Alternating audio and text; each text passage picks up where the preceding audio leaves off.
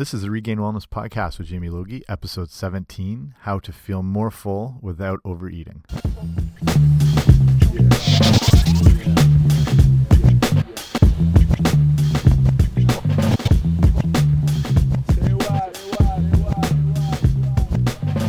Hey guys, what's happening? Welcome back to the podcast. This is episode 17, and I guarantee you will learn some new things today in this episode.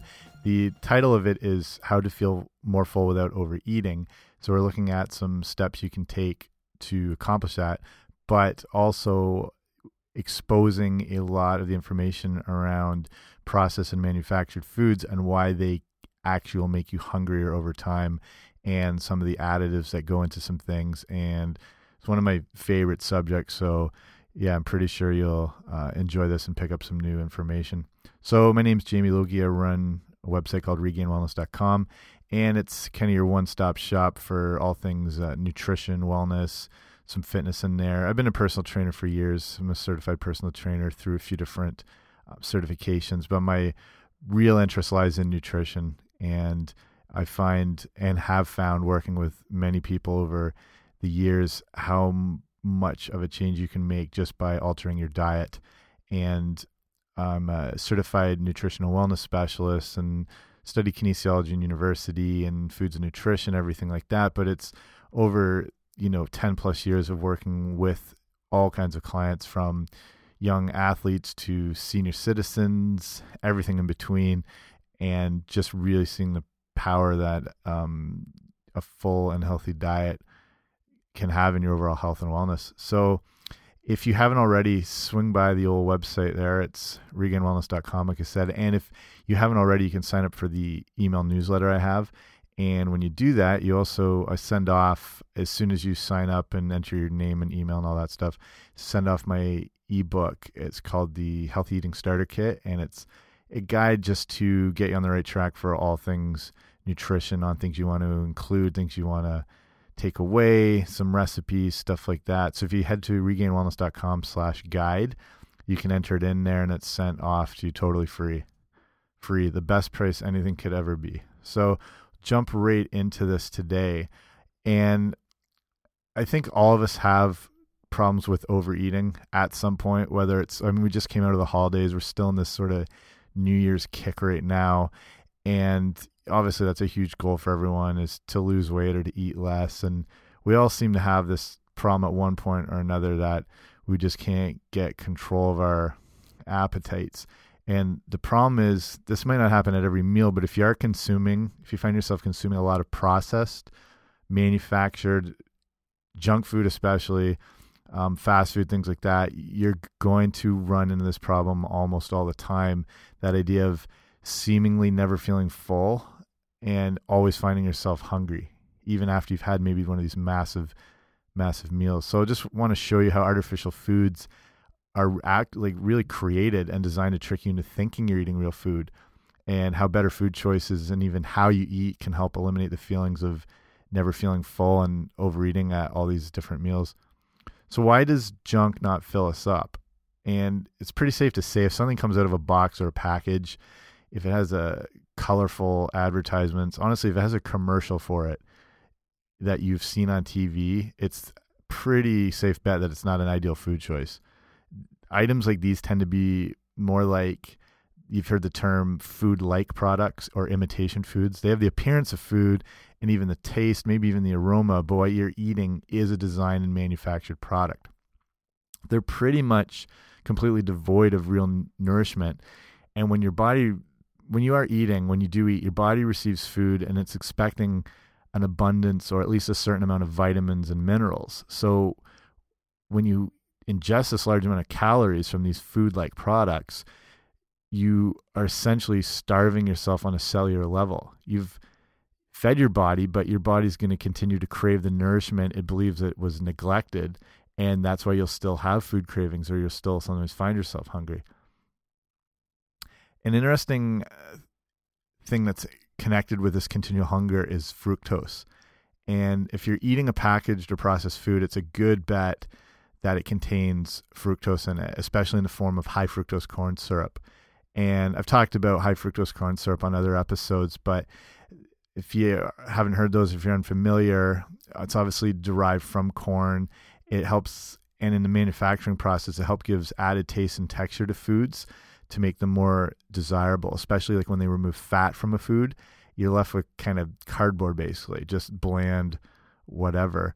And that high fructose corn syrup at least allows for a little more added taste and texture. And it's incredibly cheap to produce. And probably most important as well, it leads to a longer shelf life for products. So there's less wastage for manufacturers. Sorry, manufacturers. And studies from Yale that have shown fructose to stimulate hunger and appetite more than any other type of sugar. And a lot of these studies have been also promoted and shared by the University of California in San Francisco. I'll put links to this, uh, these different types of studies and things we're referencing in this show eh, on, on the show notes. So that's done by when you go to the website. If you go to regainwellness.com slash 017, so this is the 17th episode, everything I talk about here or links or whatever will be on a post when you go to that address. So you can just check back if you want to see more details some of these things.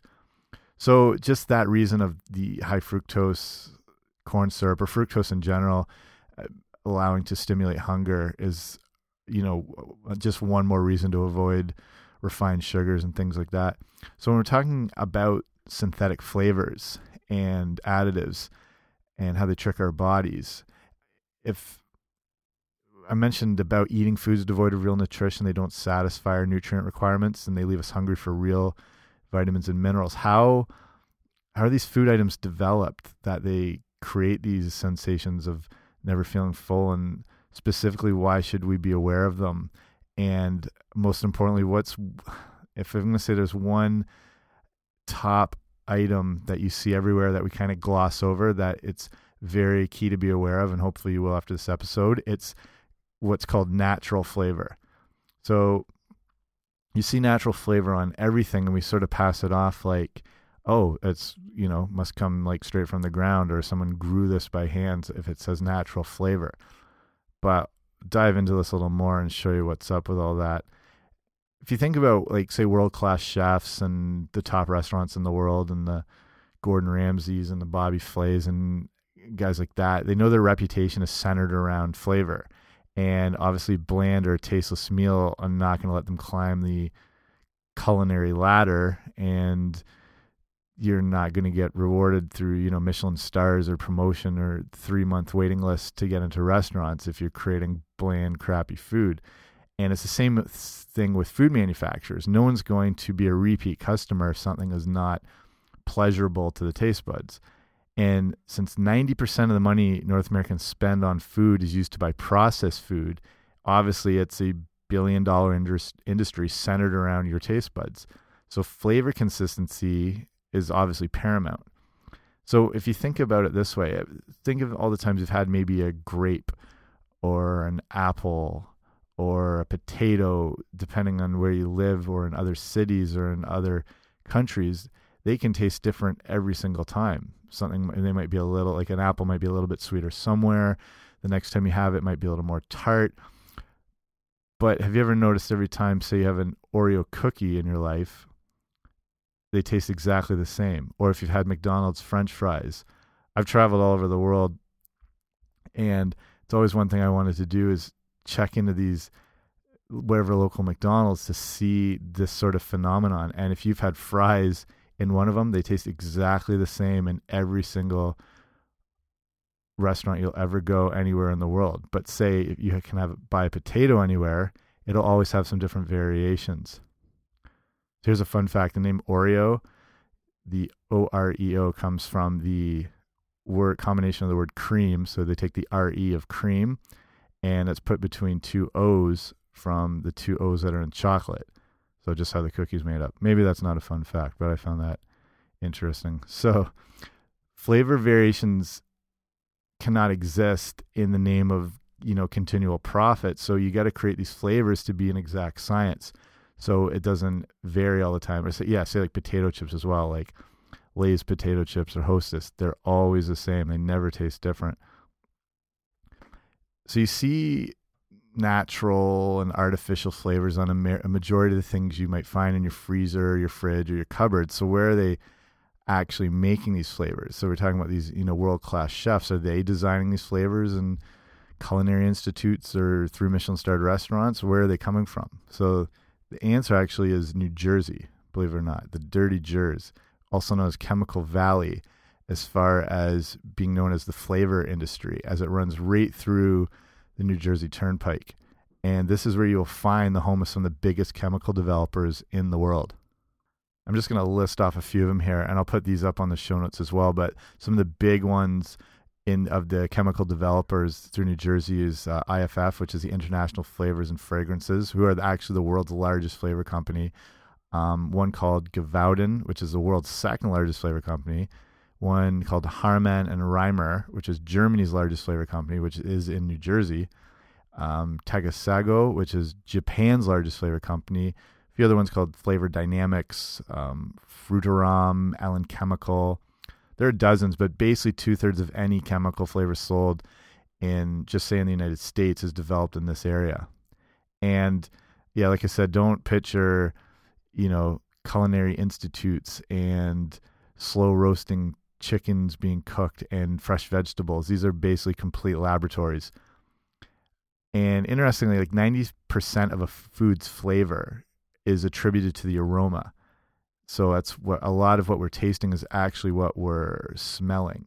And that's where we find and get a lot of enjoyment in foods is actually in more in the aroma.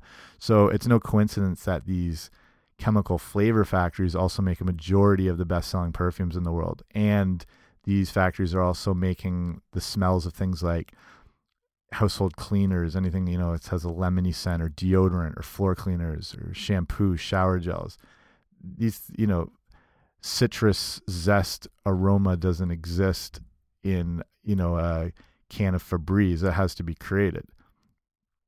Their ability at these laboratories basically to manipulate manipulate volatile chemicals to create a particular smell is the reason why you can have those different scents and things like hairspray or um, you know, like I said, Febreze or chemical air fresheners, or right down to your packaged food or your microwave dinner. Each year, there's around 10,000 new products that are introduced. And along with that, new flavors have to be created as well. As like there's no such flavor as spray can cheese or, and this actually exists, avocado free guacamole. What in the world are they making guacamole with without avocado? I'll put a link to that product there. It's kind of funny. These things do exist, and the flavors have to come from somewhere because they don't exist in nature.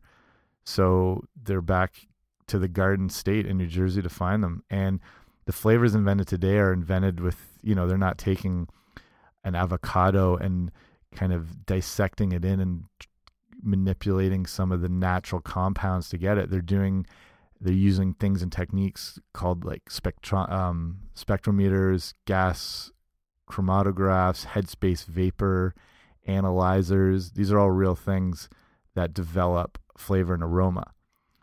And these are the same things that are being used to create what we were talking about the natural flavor. So you can see there's not a lot of natural that goes into natural flavor. And there's actually not even that much of a difference between natural and artificial flavor. Everyone's very aware to stay away from artificial flavor. And when you see natural flavor, you're like, oh, that's a relief. It's got natural flavor but there's actually not that big a variation. And there is a professor of food science from Cornell University named Terry Acree, and he basically says a natural flavor is a flavor that's been derived with an out of date technology, and that sometimes natural and artificial flavors they contain the exact same chemicals, but they just produce them through a little different methods, and they're all able to be considered a natural flavor just by these few varying um, techniques. Interesting to me is how the Food and Drug Administration is really not cracking down on something like this. They do not require flavor companies to disclose the ingredients in their additives, which kind of baffles me. And this lack of public disclosure allows the companies to keep the secrecy of their formulas. So you don't know exactly what is going in to them.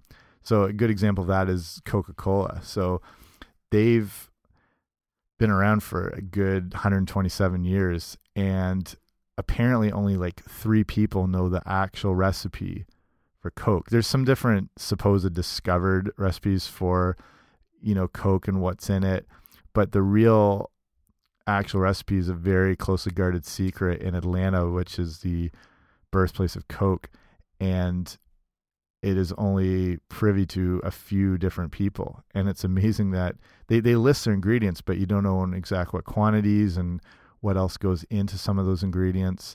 And, you know, like I said, proportions and the sources and everything like that. And they're just allowed to list it straight up. And to me, this is what the real problem is because you can just list now, say, one ingredient, um, as I'll show you in a second here, as we're, say, talking about natural flavor, and that thing might contain up to 20 different compounds, but it can it's allowed to simply be listed as one ingredient, even if it's artificial or natural. And it covers up that multitude of those different compounds that make up that flavor. So when you see that one ingredient, that can be a whole bunch of other things. And probably a really good example of this is um, what goes into Burger King's.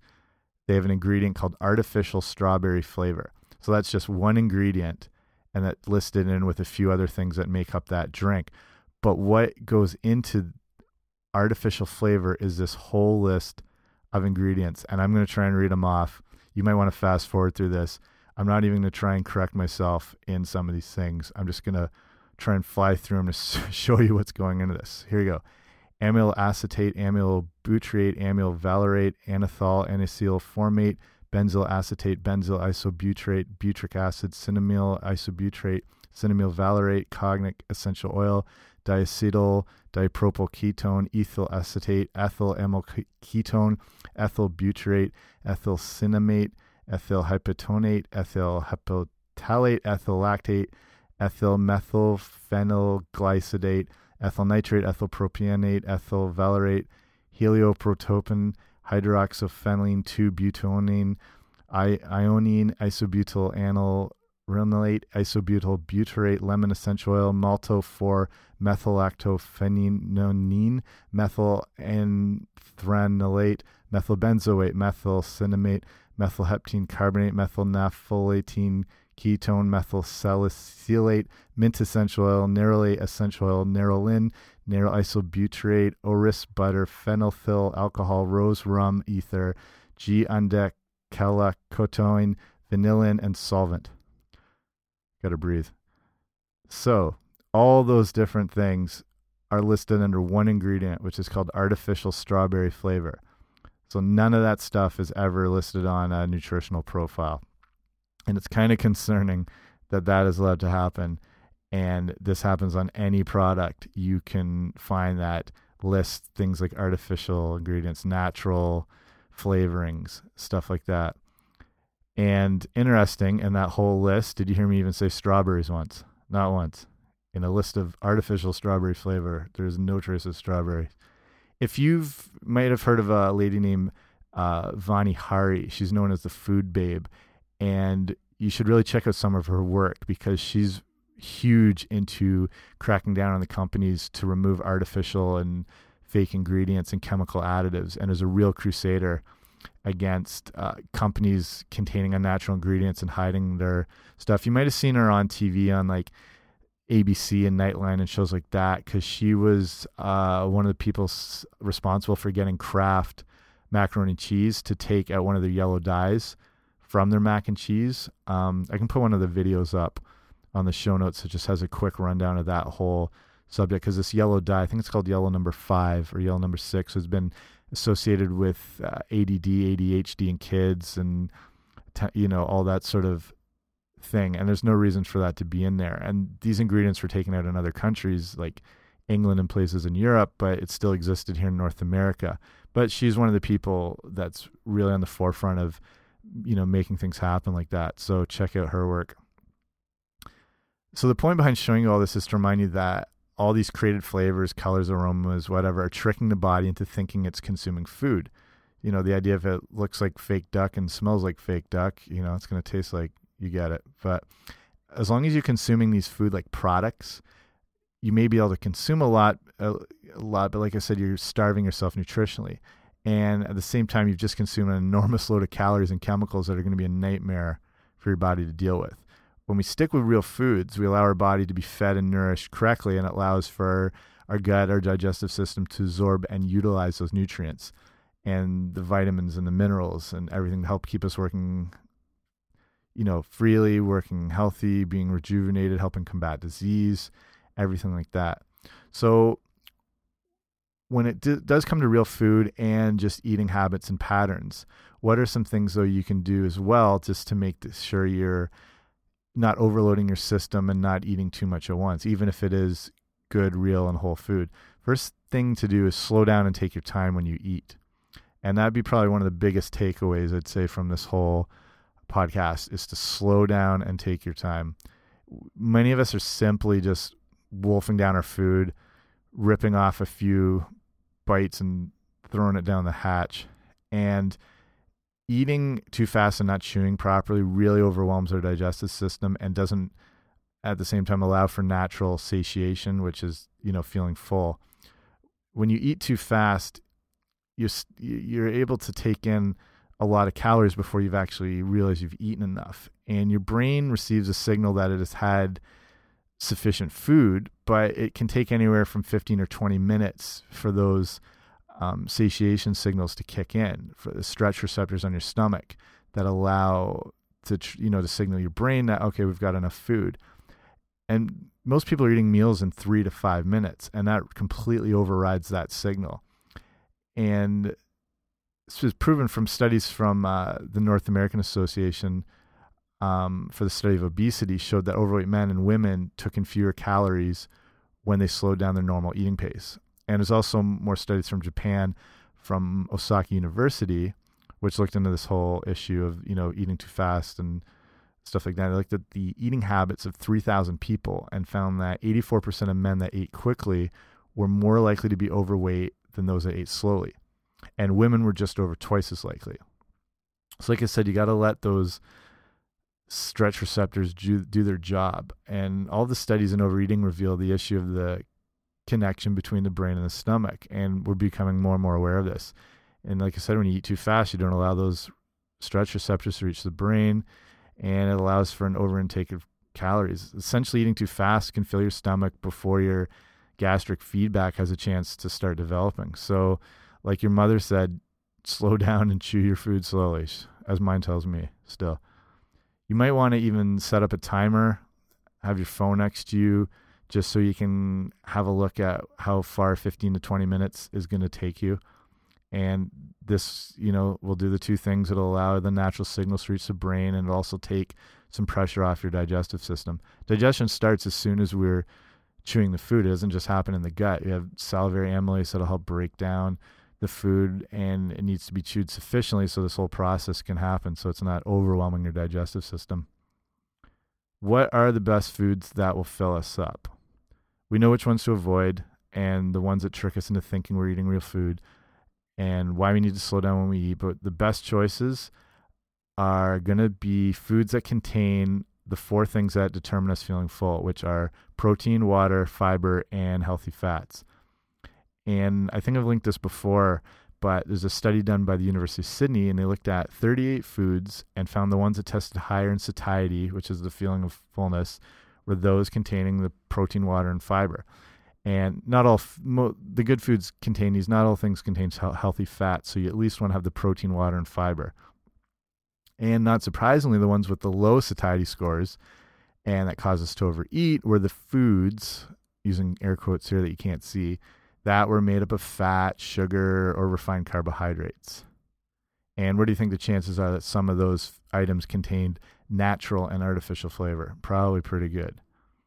Simply put, when we eat the foods that contain these protein, water, fibers, healthy fats, we feel fuller and for longer vegetables are going to be far and away your ideal choice here. They're made up of mostly water and fiber and you know some protein and stuff and are known as high volume foods. They're that perfect combination of high nutrition containing vitamins, minerals, phytonutrients, antioxidants.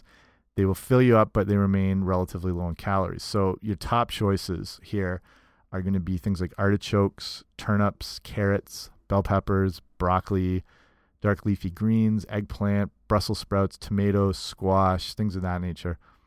And along with vegetables, you want to look at um, citrus fruits, which are really good, along with healthy fat choices, which are going to be things like um, if you do choose to eat them, like real grass fed proteins and things like avocados, olive oil, nuts, seeds. Nuts and seeds are an awesome one because they contain great amounts of fiber. They'll have protein, they'll have the healthy fats in them, and tons of nutrients, vitamins, minerals. Best nut choices, I would say, things like almonds, uh, walnuts, macadamia nuts, sunflower seeds, things like that. They're amazing, perfect, perfect little foods there. So, as far as me here, just kind of wrapping it up, I'm really active still. I play in a competitive hockey league and I'm playing with guys that are at least 10 years younger than me and I'm still able to run around pretty good and I I train really hard. I'm in the gym. I do, you know, I do a lot of stuff. So I'm able to eat a lot still, not like back in my prime, but still pretty good. When I combine some of those fresh things we are talking about, like those fresh ingredients and the healthy fats and the fibers and whatever, I feel way more full than I ever would if I'm eating like a like a large pizza or like five pounds of wings or something like that. And I can eat a lot. And all one of my go tos is a is a salad that's a combination of things like spinach and other greens. And I'll throw in, you know, tomato, avocado, red onion, some cucumber, maybe some green pepper, some goat cheese, and I'll do some grilled chicken on that. And I'll make my own salad dressing. Is a good tip. Make your own salad dressing. They're very easy to do and just a combination of things like olive oil and some balsamic vinegar or olive oil and red wine vinegar.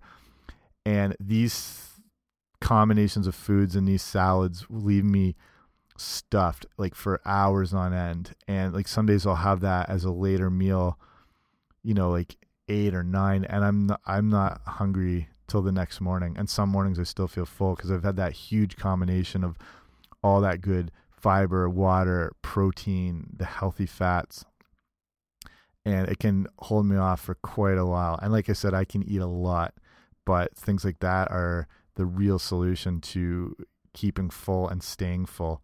So start incorporating some of these foods in your meals each day and remember to slow down and take your time while you eat. So that way you're going to be filling yourself up without filling yourself out, which is a good little catchphrase that I should trademark or something like that. So that's everything from me. Thanks for listening today. I hope you picked up some good information from this. And like I said, if you haven't already, head over to the, reps, the website, not the website, the website, regainwellness.com. You can check out all the different articles I've had up there um, over the months related to all different food issues and topics and some fitness stuff and things like that. Like I said, sign up for the email newsletter if you haven't already. And if you could, if you like this episode, do me a solid and leave me a review at on uh, the old iTunes machine. And reviews and ratings just helps the show get bumped up and seen. I'm still up on the top in the um, new and noteworthy categories for fitness and nutrition and health and food, and that's good. Some more people are able to see the show.